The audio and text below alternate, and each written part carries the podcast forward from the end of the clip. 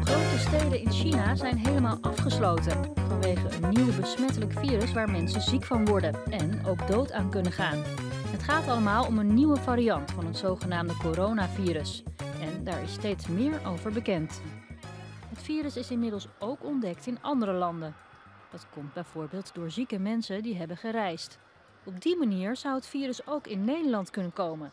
Maar volgens deskundigen is die kans wel klein. Ja, goeiedag dames en heren. Welkom weer bij een nieuwe aflevering van Ambulance de podcast. Ja, zoals je al hoorde in het eh, NOS-berichtje van 23 januari. Er is een nieuw virus eh, eh, in China gevonden. En de kans is klein dat hij naar Nederland komt. Nou, inmiddels weten we wel beter. Ehm, van 23 januari gaan we naar 24 februari, wanneer we dit nieuwsbericht kregen te horen. Alarm in het noorden van Italië. Verschillende steden en dorpen zitten op slot. En inmiddels zijn er meerdere doden gevallen door het coronavirus. Ja, dat is eh, 24 februari. En daarna begint ook wat onrust te komen in Nederland. Eh, dat merken we eh 11 maart, waarin de Nederlandse reanimatiecongres is afgezegd, omdat geadviseerd is om grote groepen met meer dan 100 deelnemers te weren. Ja, en langzaam begint dan ook een beetje het besef van, oké, het komt toch wel heel erg dichterbij. En ehm, ja, wat gaan we dan krijgen? krankzinnig. De meeste vakken zijn leeg en de mensen vechten om een brood of wc-papier is er ook niet meer. We hebben ook wel veel, maar het zijn ook een beetje weekendboodschappen. Maar ik heb mensen echt met tien broden zien lopen, eh, acht pizza's. Het is zo druk, het lijkt wel of men, of, als, wat zou er gebeuren als er echt oorlog uitbreekt? We staan net ruzie te maken. Er is iemand die neemt gewoon alle wc-papier mee. Gewoon 16 pakken met rollen. Dat is ook het enige waar, waar iemand mee naar buiten komt. Ik vind het complete hysterie. Ja, dat waren de eerste tekenen van de onrust in Nederland. Eh, mensen gingen massaal hamsteren en ehm, wc-papier inslaan. En de volgende dag ging het op social media dan ook helemaal los met filmpjes en grapjes over wc-papier. Eh, maar de onrust nam wel eh, toe. 14 maart gingen bij de ambulance diensten veel veranderen. Ehm, externe stagiaires werden afgezegd en interne scholingen werden afgezegd. Ook gingen de meeste ambulance diensten van code oranje naar code rood. Ehm, dat gaan we later over hebben wat dat betekent. En de meeste regio's gingen over in een grip 4. Dat betekent dat de burgemeester in de lead is. Dus de voorzitter van de veiligheidsregio, die eh, neemt dan de leiding over de ambulance diensten. En in de meeste regio's is dat dan ook de burgemeester. Zondag 15 maart zijn er veel telefoontjes onderling bij ambulance diensten. En 16 maart dan stoppen ook alle scholingsactiviteiten in Nederland. Dus de Academie voor Ambulancezorg in Harderwijk bijvoorbeeld, die sluit zijn deuren.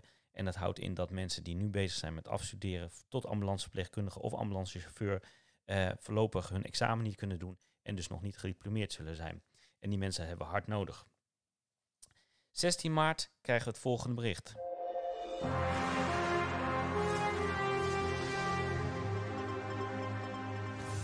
Goedenavond, dit is een extra NOS-journaal in verband met een toespraak van premier Rutte. Ja, veel mensen hebben die toespraak eh, gevolgd en daarin werd wel heel erg duidelijk dat we met een ernstig probleem zitten in Nederland. Ehm, het is van Italië overgekomen en de omringende landen hebben dezelfde problemen en nu ook in Nederland. En ook bij de burgers begint het nu toch wel eh, door te dringen dat er echt maatregelen nodig zijn. Dat zie je ook eh, op straat. De straten zijn heel rustig. Bijna niemand loopt de straat en de meeste mensen blijven thuis. Ehm, heel veel mensen gaan naar het RIVM kijken wat precies de eh, bedoeling is. En je ziet dat het op dit moment wel goed wordt opgevolgd. De ziekenhuizen in Brabant die zijn eigenlijk al hartstikke druk. En de ambulance dienst daar die heeft het al veel drukker met het vervoer van mensen met corona. Mensen werken veel overuren, moeten allemaal in isolatie. En moeten zich constant zelf omkleden en hebben het risico om zelf besmet te worden. Waardoor je hoog verhoogde druk krijgt binnen het werk. Ja, 17 maart om 8 uur. Dan gaan de mensen voor ons applaudisseren. Dat klinkt zo.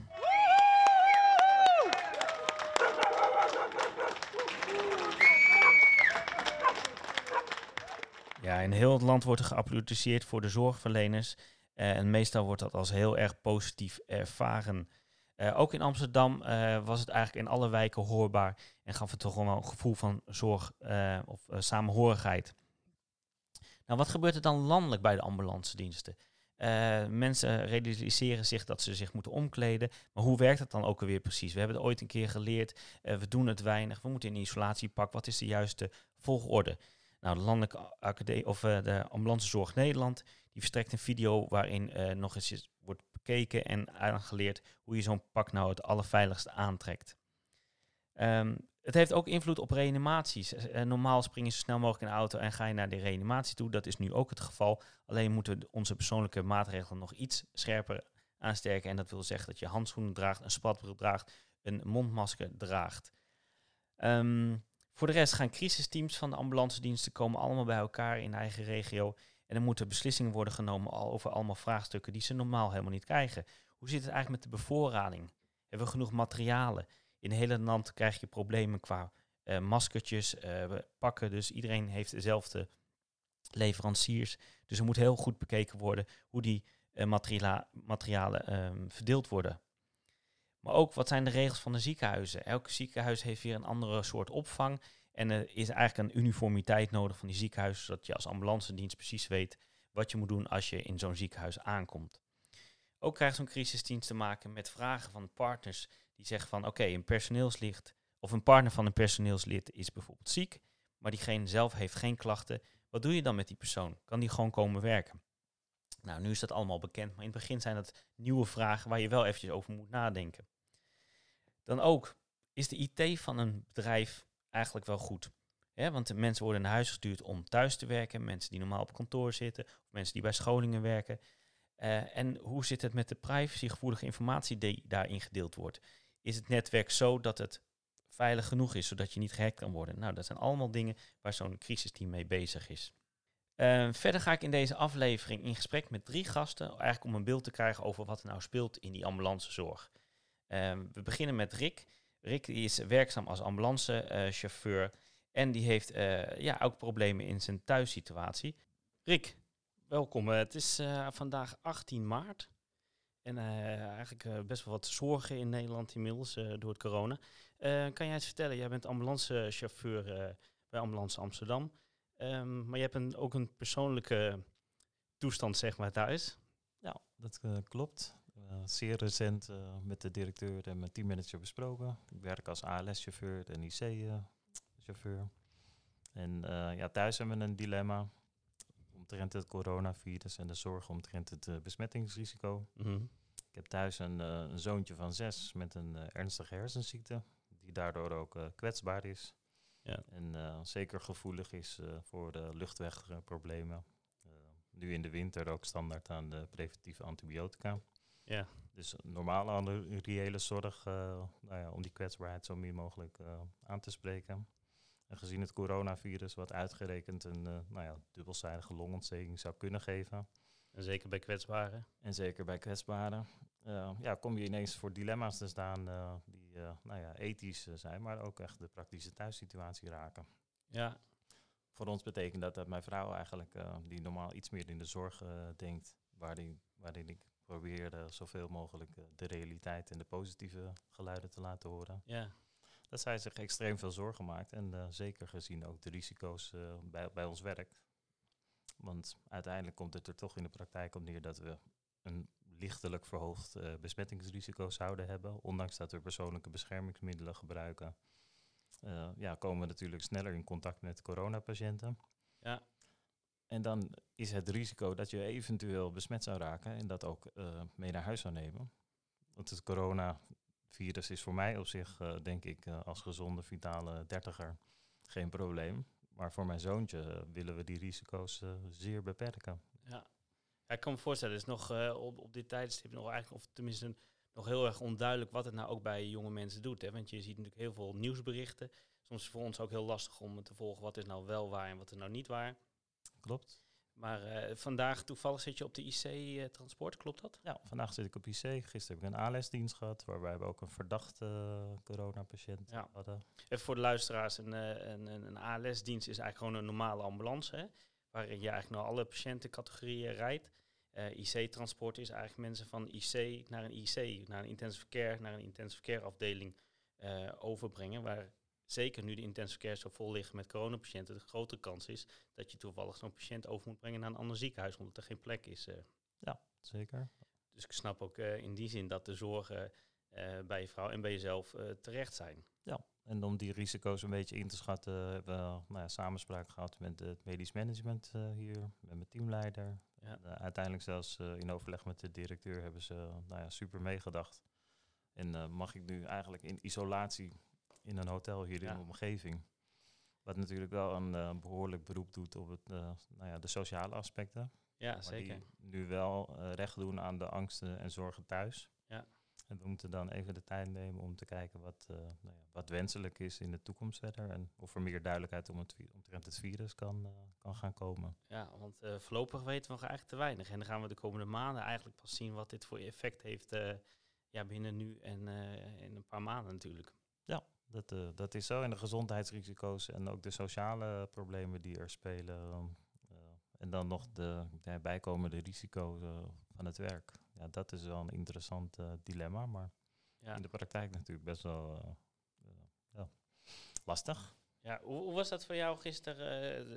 er werd geklapt, hè? Voor ons om acht uur. Hoe- wat deed dat met jou? Heeft dat nog een bepaald gevoel opgeroepen?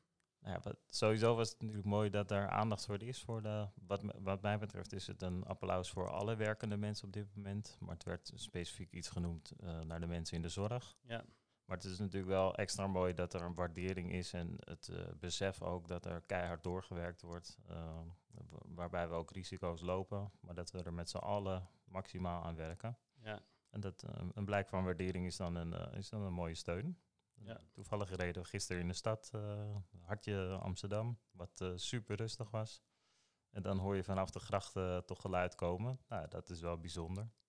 Sowieso is de hele setting eh, bijzonder in de dagelijkse praktijk nu. Op, Ja, eh, zeker. Eh, Amsterdam eh, leeg zien, dat, eh, dat gebeurt heel weinig, hè? Nee, klopt. Wa- waar Amsterdam bekend staat om drukte en eh, leven, eh, is het, eh, waarbij wij op de ambulance natuurlijk ook rekening houden in het verkeer, is het ineens een hele andere eh, dagelijkse praktijk. Rij je nu ook anders op de ambulance als je eh, qua gevoel, van, eh, qua risico, dat je bij elke patiënt echt heel veel afstand neemt of denkt van, oh, ik moet dit niet aanraken. Ben je er heel erg mee bezig in je hoofd? Ja, dat, eh, dat zeker. En je ziet het ook wel bij de collega's om ons heen, dat we al snel onze persoonlijke beschermingsmiddelen pakken. In ieder geval een, een FFP2-masker, een spatbril op. Ja. Terwijl je soms gewoon op een gebroken been, zeg maar, rijdt. Speelt corona en het risico daarvan wel altijd eh, mee. Ja. Dus eh, we hopen dat we niet eh, te weinig materialen gaan krijgen in de komende weken, want die hebben we hard nodig.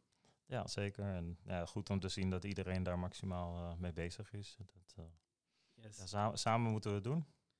Nou, ik, ga heel, ik ben heel benieuwd hoe dit gaat aflopen en hoe lang je in een hotel zou moeten blijven. En we gaan het zien in de toekomst. Dankjewel voor dit korte interviewtje. Ja, graag gedaan. Dankjewel. Ja, er waren mooie woorden van Rick. Eh, met name ehm, dat hij zegt van, ik, eh, het was eigenlijk een applaus voor alle werkende mensen op dit moment. En dat is natuurlijk zo. eh, er zijn natuurlijk content veel mensen die in de hulpverlening werken. Maar ook mensen die op andere functies zitten, die niks met de zorgverlening te maken hebben, maar wel met transport, politie, overheden, wat trouwens ook wel hulpverleners zijn. Maar iedereen die moet werken om gewoon het normale leven draaiend te houden en daarmee een bepaald risico nemen. Eh, daarvoor was het applaus een stukje samenhorigheid en ehm, ik denk dat dat goed is. Ehm, wie ik ook heb geïnterviewd was JJ. JJ is een ambulanceverpleegkundige en die, eh, die gaat wat vertellen over het stuk eh, beschermen of het werken in isolatiepak. JJ, welkom eh, in de podcast. Ik zou graag met jou willen hebben over, over de pakken, de isolatiepakken. Jij bent ambulanceverpleegkundige en jij hebt al die pakken aangehad als het goed is. Ja, klopt. Ehm, voor, voordat we naar een patiënt gaan, als daar eh, of een verdenking is of bewezen coronapatiënt, moeten we pakken aan, isolatiepakken. En eh, ja, dat ziet er wel vrij futuristisch uit. Het lijkt net, je lijkt net een eh, marsmannetje. Ja, en is het zo dat de meldkamer al aangeeft van dus verdenking, of doe je dat op eigen basis of op eigen, ja, kijk je gewoon naar het MDT-initiatief, zeg maar. Ja, ja beide. Eh, soms staat erin eh, dat iemand koorts heeft en eh, benauwd is. Nou ja, dan weet je dat je dus je pak aan moet. Soms staat er verdenking corona bij. Ehm, en soms vraag je gewoon nog net even iets meer uit. Zeker ook de huisartsenposten, die zijn er heel erg op gespitst. Ja. Die vragen ook echt na of iemand koorts heeft, hoesten, dat soort dingen. En dan eh, nou ja, hoop je dat je voldoende informatie hebt en dus eh, binnen kan komen met een pak. En er niet achter komt op het moment dat je binnen bent, want dat gebeurt ook. Ja. En hoe werkt dat dan? Ga je dan eerst, je krijgt een melding, je gaat je eerst omkleden en dan ga je rijden? Of doe je dat voor de deur? Hoe, hoe, hoe doen jullie dat? Eh, ja, het wisselt een beetje. Het ligt ook een klein beetje aan hoe lang je moet rijden. Want het zijn echt enorm warme, zweterige, ja, een beetje plasticachtige pakken. Dus hoe minder lang je ze aan hebt, hoe prettiger dat is. Ehm, dus vandaag had ik een ritje om de hoek. Dat was één minuut rijden. Toen hebben we ervoor gekozen om in de ambulancehal om te kleden. Ehm, en de dag daarvoor had ik een wat verder weg. Dus toen hebben we pas voor de deur van de patiënt omgekleed. Ja. Ja. En is dan overal die je over je schoenen aandoen, over je pak? eh, Ja, ja.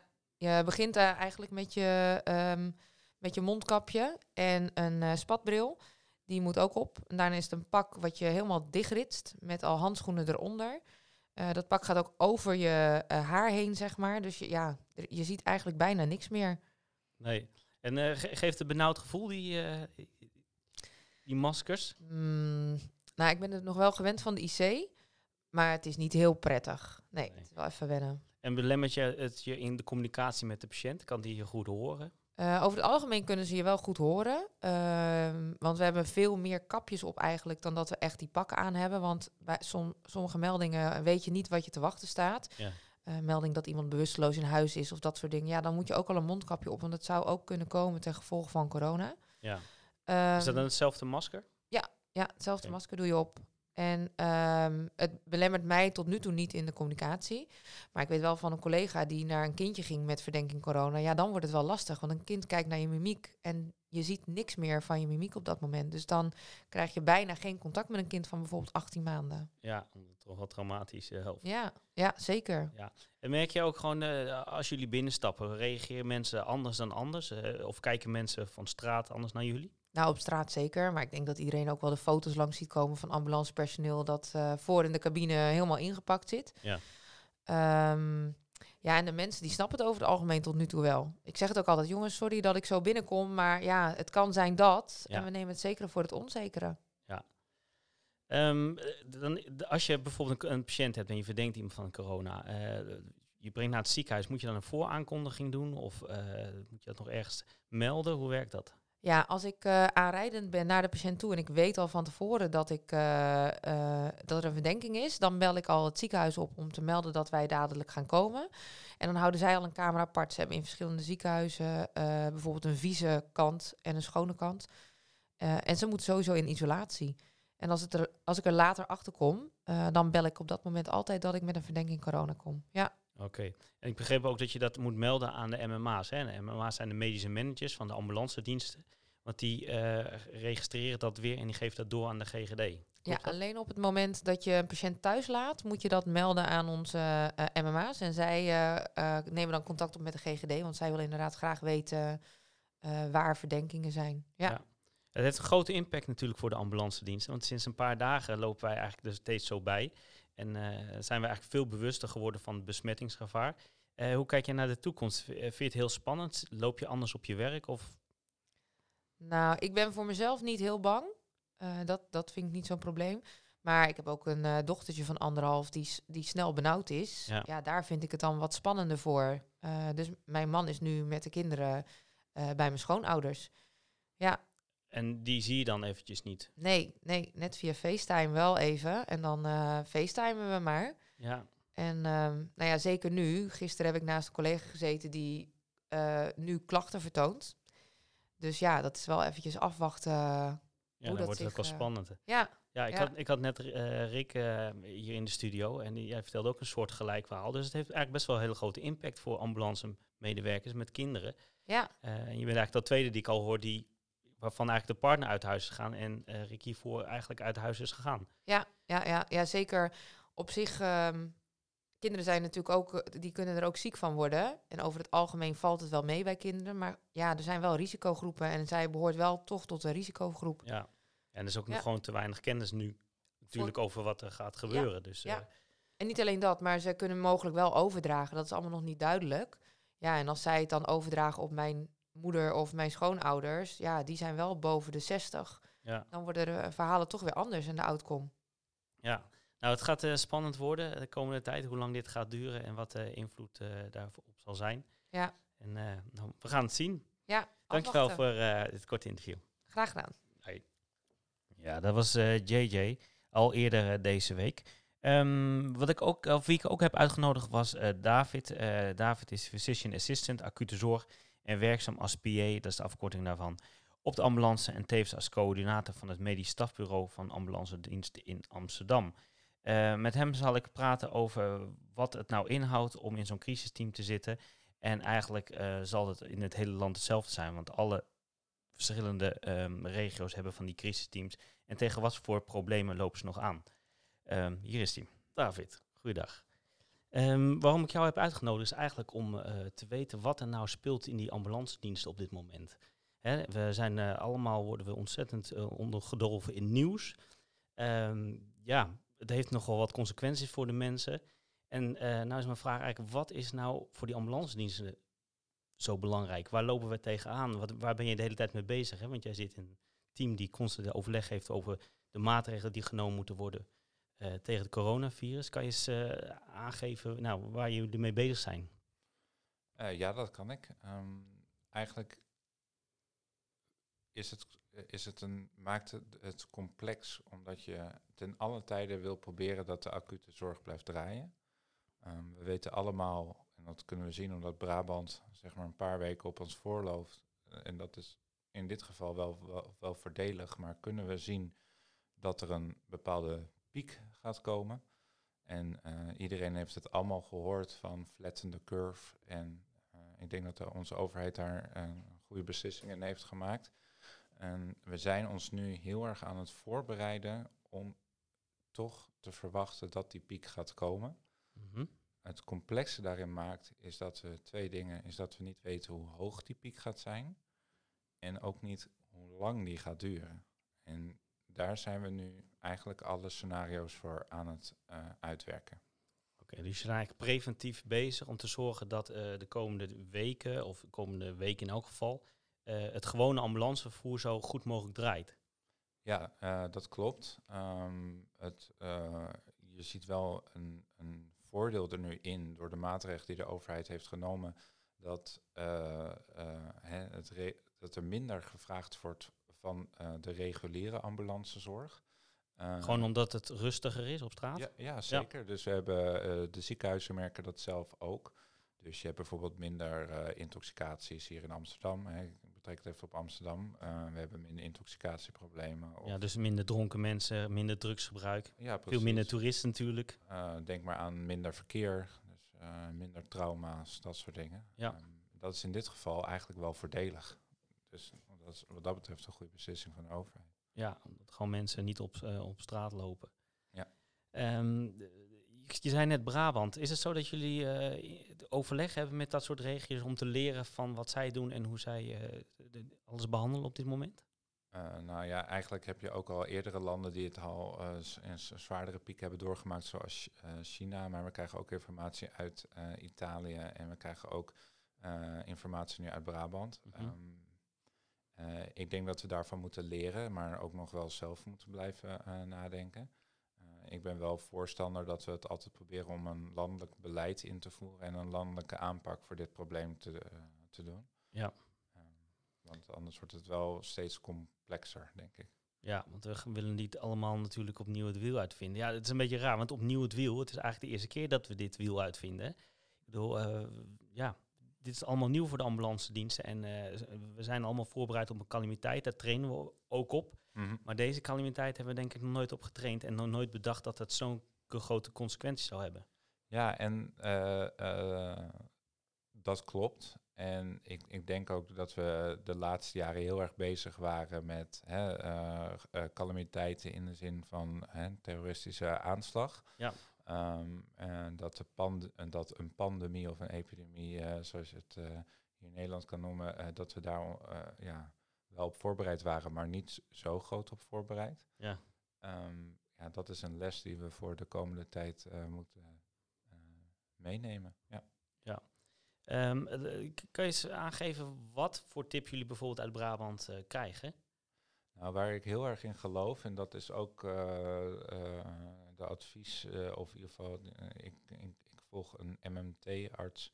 Ik volg een MMT-arts uit, ehm, eh, Italië. Ja. En eh, die heeft eigenlijk een soort pakket gemaakt. En, en je ziet dat Brabant ook zo'n pakket eigenlijk overneemt. En dat is een, hè, een aanpak. En daarmee ben ik hier ook heel voor, hard voor aan het strijden.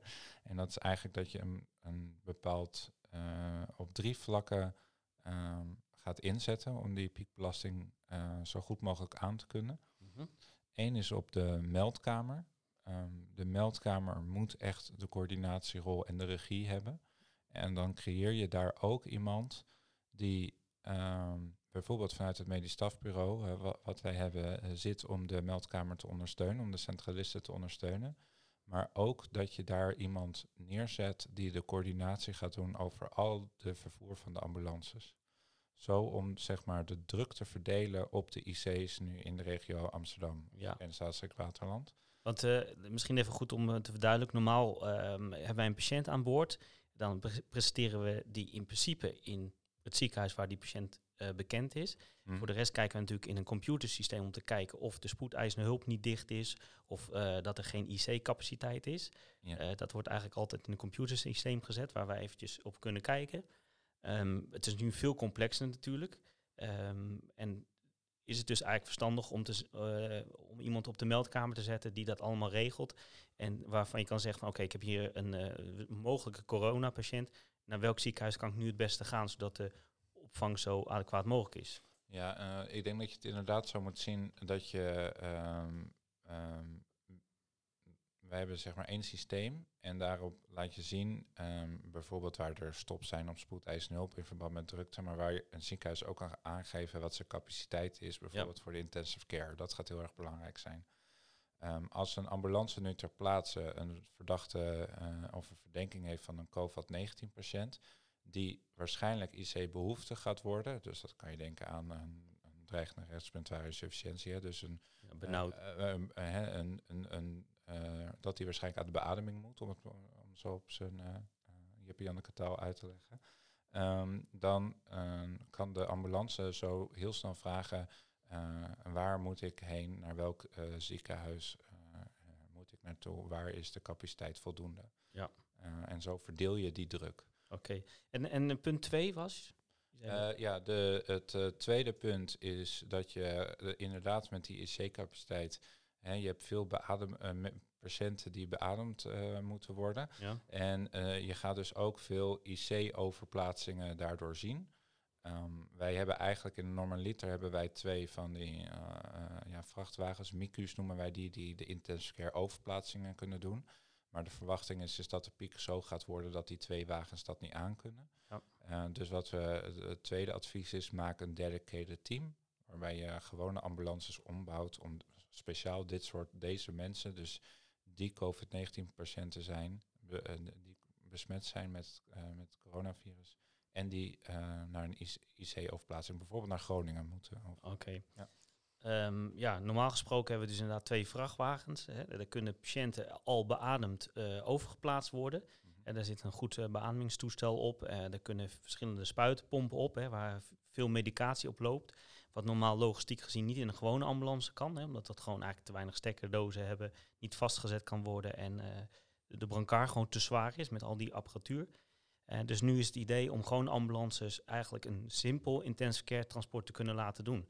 Dus uh, waarschijnlijk patiënten die wel heel erg ziek zijn, maar misschien niet uh, 10 of 12 uh, spuitenpompen nodig hebben of medicatie. Ja, dat zou in nauw overleg moeten gaan dus uh, met de, met de IC-coördinator. Ja. die hebben wij hier ook vanuit het AMC. En um, wat, wat, we gaan kijken inderdaad is dat we niet kunnen zeggen van nou ja, daar kunnen 12 pompen op, maar dat zullen we dus moeten reduceren. Ja. Um, aan de andere kant hebben we eigenlijk Um, ook zo'n situatie gehad toen de VU uh, het water, een grote waterprobleem had en volledig moest evacueren, waardoor we ook het calamiteitenhospitaal uh, open gegaan is. Ja. Uh, maar dat je dus ook heel veel IC-patiënten snel moest overplaatsen. En ja, dan ga je kijken naar noodoplossingen in de zin van um, dan maar even tijdelijk dat de anesthesioloog, hè, dus de, of de intensivist, de patiënt tijdelijk op, op een ballon neemt met en daar de, op de beademingsbuis zet en uh, een tijdje niet op de machine zet. Ja, dus gewoon op een reguliere beademingsballon. Ja, zeker. En ehm, ja, dus we zijn eigenlijk al die scenario's nu aan het uitwerken hoe we dat natuurlijk zo veilig mogelijk voor de patiënt kunnen doen. Maar natuurlijk ook zo veilig mogelijk eh, voor de ambulancebemanning. Ja, en het geldt natuurlijk niet alleen voor regio Amsterdam. Dat gebeurt in Den Haag, Rotterdam, eh, Maastricht, eh, Groningen, idem. Die zitten natuurlijk allemaal met dezelfde problemen. Hè? Dat is, het speelt in heel Nederland, dit soort eh, pro- eh, problematiek. Ja, zeker. Daarom zou ik ook pleiten voor deze landelijke aanpak. Ehm, ik denk dat Brabant dat al, eh, ja, die lopen dus op ons voorop en dat dus ook heel goed doet. Ja. Ehm, die hebben ook al meer overplaatsing naar de buitenregio's eh, eh, nu, nu toe. Ehm, ja, en daar kunnen we heel erg veel van leren, denk ik. En wat je al eerder zei, we moeten het wiel niet opnieuw gaan uitvinden. Nee. Nee, het is een goed voorbeeld van eh, hoe ambulance diensten moeten samenwerken om de zorg te verbeteren. En eh, ja, tot nu toe geweldig hoe Brabant dat doen. Hè? Want, eh, doet. Die hebben natuurlijk een, Ja, een groot zeker probleem. veel, ja, zeker veel bewondering voor, absoluut. Ja, dat is mooi. Zijn er nog andere dingen die spelen? Nou, zie ik meer nog- emoties. Nou, ik had nog een derde punt. ehm, want, want het plan bestaat uit drie punten. En dat is ook wel even goed om te benoemen. En dat is dat je eigenlijk je solo-voertuigen, dus Mhm. je rapid responders. En wij hebben dan nog in Amsterdam een soort 2. ehm, Special Operation Response Unit eh 2. En die kunnen niet eh, patiënten vervoeren. Maar die kunnen wel eh straattriage uitvoeren. Dus die zullen heel snel kijken of het wel nodig is bij zo'n patiënt die verdacht is van het COVID-19. eh, of die daadwerkelijk ook naar het ziekenhuis vervoerd moet worden. Ehm, dat is handig, zo'n straattriage. Die zijn snel ter plaatse. En het voordeel is ook is dat die je daardoor één man naar binnen kan laten gaan. En dat scheelt weer in je persoonlijke beschermingsmiddelen.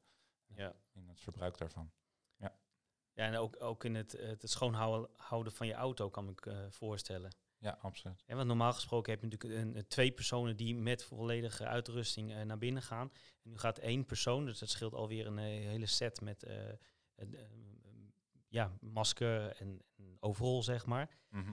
En eh, deze mensen gaan dus van tevoren triëren. Toevallig ben jij eh, rapid responder, ben ik zelf ook rapid responder. Dus Ja, we weten waar we het over hebben. Eh, voor de mensen die het niet weten, er zijn solo-ambulances. Dat zijn eigenlijk kleinere auto's die alles bij zich hebben, zoals een gewone ambulance.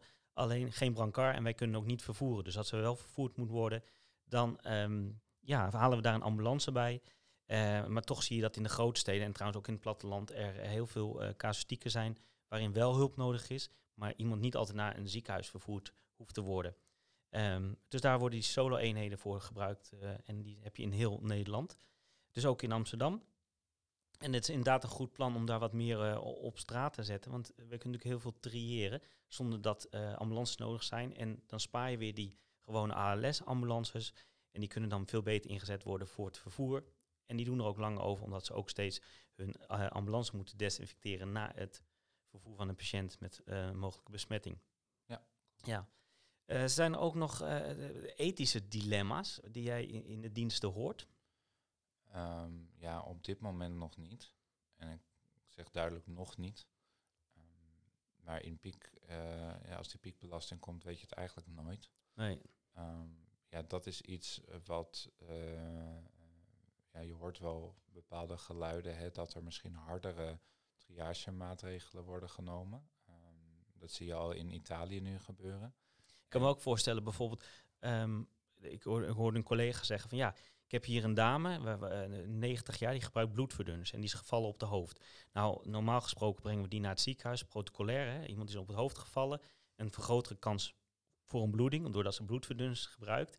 Eh, maar ja, ze is niet heel erg hard gevallen en ja, dan zou ik eigenlijk naar het ziekenhuis moeten sturen, waarin de kans dat ze een bloeding heeft eigenlijk heel erg klein is. Maar waarvan ik wel 100% zeker weet dat daar heel veel mensen zijn met een, eh, een besmetting. Ja, hoe verstandig is dan om iemand naar een ziekenhuis te brengen? Dat soort ethische dilemma's krijg je natuurlijk wel een beetje. En protocolair volgen natuurlijk steeds het protocol. Alleen gevoelsmatig wordt het natuurlijk wel wat lastiger. Eh, ja, eh, en ik begrijp ook wel die opmerking. Ehm, ik weet niet of het zover gaat komen. Ik denk wel, eh, zoals eigenlijk ook wel mee begonnen is, dat de reguliere ambulancezorg en de, en de acute zorg gewoon ook moet blijven draaien, ondanks deze, deze epidemie. Ehm, wat, wat je wel ziet gebeuren, is welke geluiden we nu horen, is dat we strakker gaan worden in onze protocollen. Dus dat een voorbeeld is, is wij hebben een protocol bij de reanimatiebehoeftige patiënt en dat we na 20 minuten eh, stoppen. En dat heeft een reden, omdat je dan ehm, ja, zeg maar de kans op overleving niet heel is. Ja. Ehm, in bepaalde gevallen wilden we dan nog wel vervoeren naar het ziekenhuis. Eh, maar daar zal dan denk ik landelijk beleid op moeten komen. En dan zal je waarschijnlijk gaan horen dat we daar strakker in gaan worden. Ja. ja, dat speelt nu nog niet, maar dat is mogelijk in de toekomst. En we weten niet eh, hoe het gaat lopen, zou dat kunnen gaan spelen. Maar vooralsnog is dat natuurlijk niet en krijgt iedereen gewoon de behandeling die ze altijd hebben gehad. Ja, op dit moment, dat wil ik ook echt benadrukken, kunnen we het aan en kunnen we ook de normale reguliere ambulancezorg uh, gewoon uh, uitvoeren zoals dat uh, moet. Ja. ja. Jullie, um, jij zit ook bij crisisoverleg, klopt dat? Ja, ik ben namens het medisch management zit ik in het operationeel crisisteam. Ja. Oké. Okay. Ja, je moet voorstellen, mensen, de ambulance dienst, hè, je hebt de mensen die op het kantoor zitten en dit soort dingen allemaal regelen. Uh, eigenlijk is iedereen naar huis gestuurd, behalve de mensen die uh, in het crisisoverleg zitten. En het gewone personeel. En het, dat personeel wat op de auto rijdt, is hier beneden. En daarboven één etage. En de rest, iedereen van scholingen en alles, is naar huis gestuurd. Dus je ook veel rustiger, een aparte sfeer daardoor in de dienst. die mensen op die kantoren die zijn hartstikke belangrijk om alles in goede banen te leiden. En werkafspraken te maken. zorgen dat filmpjes voor instructies van hoe je zo'n pak aantrekt. ja, bij de juiste mensen komt. Um, al die overleg tussen al die ambulance diensten. En um, er is ook een grip 4 hè, op dit moment van kracht. Dat wil zeggen dat eigenlijk um, de burgemeester in de lead is op dit moment. Dus uh, de ambulance diensten lossen niet allemaal zelf op, maar ze worden aangestuurd door, uh, ja, de, door de gemeente en uiteindelijk de eindverantwoordelijke, de burgemeester. Dus dat zijn nog best wel wat veranderingen. Ja, uh, ja dat klopt. En zo, zoals het ook mooi genoemd wordt, uh, um, zitten we nu ook in een code rood. Dus dat in dat de organisatiestructuur ook binnen je ambulance, binnen je RV, binnen je regionale ambulancevoorziening verandert. En dat is ook in de ziekenhuizen dus gebeurd. Ja. ja. Nou goed, het is een spannende tijd. Wij weten, zoals we er nu bij zitten, ook niet wat er gaat gebeuren. hoeveel gewonden of hoeveel besmette patiënten er zullen komen. Uh, hoeveel doden er uiteindelijk uh, zullen vallen. En um, ja, we gaan het de komende maanden zien en misschien uh, de komende jaren de effecten daarvan bekijken. Dus is ongelooflijk snel al dat ze bezig zijn met onderzoek natuurlijk naar alle patiënten. dus het wordt een hele spannende tijd en een hele leerzame tijd. En dit heeft niemand zien aan, aanzien komen. de economen niet en de ambulance niet. En nou ja, we doen ons best hè. Ja, uh, dat is het zo, ook zo. Het is voor iedereen nieuw. En uh, ja, wat ik wel kan waarderen is, dat je ook, hè, ondanks alle slechte nieuws die je misschien tegenkomt, is dat je ook ziet dat er ook weer hele mooie dingen hieruit kunnen ontstaan. Um, en, dat, en dat kan ik enorm waarderen. Zeker ook alle inzet van al het ambulancepersoneel op dit moment. Ja, ja, ja en is wel, ja, uiteindelijk heeft het voor op de persoonlijke uh, sfeer, familie ook best veel uh, invloed. Uh, nog vragen, ik aan de andere twee ook gesteld. Hoe was voor jou gisteren dat klapmoment om acht uur? Um, ja, het, het, het, ja, dat is super mooi. Um, er waren ook allemaal mensen van ja, waarom ga je dan allemaal bij elkaar staan om te klappen? Um, ik, ik zou zeggen, weet je, laat dat voor dat moment even los. Het, het gebaar, de saamhorigheid, ik denk dat daar heel veel behoefte aan was en nog steeds zal blijven. En iedereen stond volgens mij gewoon op zijn eigen balkonnetje, toch? Ja, ja. Zit veel mee. Ja, ja, ja. dat is in Amsterdam hetzelfde kleine balkonnetje. Dat ja, dan sta je toch dicht op elkaar in Amsterdam. uh, maar gelukkig wel anderhalve meter. Um, ja, ik vond het een, uh, een, mooi gebaar, moet ik zeggen. Het is, uh, het is dan toch wel eventjes indrukwekkend. En dan voel je toch een soort WK-gevoel of wat dan ook. Hè? Die saamhorigheid. alleen bij de WK's wat leukere omstandigheden. maar ik hoor van de meeste collega's eigenlijk dat het wel heel erg gewaardeerd werd. Um, ja, sommige mensen zeggen het hebben het over de helden. Ik geloof niet dat uh, wij ons helden voelen. Ik denk dat je in je hele carrière misschien twee keer uh, een casuïstiek of drie keer een casuïstiek meemaakt. Waarvan je jezelf echt een held vindt. Hè? Dat je echt even lekker denkt, nou hier, nu was ik echt een held. Maar voor de rest is het gewoon uh, voor ons werk. Zien we ons niet als helden. Maar is het wel fijn om te voelen dat mensen je waarderen op het moment dat jij inderdaad daar bezig bent op die ambu en risico loopt. Ja, zeker, absoluut. Ja. Goed, David, mag ik je bedanken uh, voor dit korte interview en uh, we spreken elkaar waarschijnlijk weer snel. Ja, jij ook bedankt. Dankjewel. Ja, dat was het gesprek met David. Um, ja, ik wil er ook even bij stilstaan uh, bij al die familieleden en families die een dierbare nu moeten missen omdat ze mogelijk al overleden zijn aan het virus of eh, mensen die ernstig ziek op de IC eh, liggen. We praten hier eh, ni- niet luchtig over, maar eh, op het moment dat je het niet in je familie hebt, sta je er toch wat verder vandaan. Maar we eh, ja, zijn zeker van bewust dat dit eh, heel veel verdriet bij heel veel mensen geeft. Eh, wat we eh, zien is ook heel veel mooie initiatieven. We hadden het later over het hamsteren, mensen die asociaal waren. Maar eh, er worden ook eh, heel veel dingen georganiseerd. Eh, er worden gratis maaltijden uitgedeeld. Restaurants die pannenkoeken bakken voor personeel. Gratis koffiepunten, eh, of koffiepunten, sorry, koffie. Eh, shops die eh, koffie leveren voor de ambulance. Spandoeken die hangen ehm, met succes of sterkte. Ehm, en, en bedankbriefjes aan de deur van de ambulance diensten. Er worden taarten gebakken, gratis parkeren voor zorgpersoneel. Gisteren zag toevallig een zanger die voor een verpleeghuis stond te zingen. Eh, hij stond eh, voor het raam aan de buitenkant, maar hij was waarschijnlijk geboekt. Maar hij liet zich niet eh, wegsturen. Hij ging gewoon voor het raam staan zingen. Het zijn mooie burgerinitiatieven.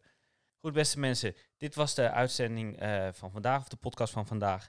Ehm, ik hoop dat ik hiermee een kleine indruk heb gegeven over het werk op de ambulance tijdens deze coronatijden. En wilt u verder op de hoogte blijven, dan kan u mij volgen op www.ambulancedepodcast.nl. Daar zal ik deze aflevering eh, op, eh, op neerzetten. En Ambulance de Podcast, Instagram, eh, ben ik te volgen.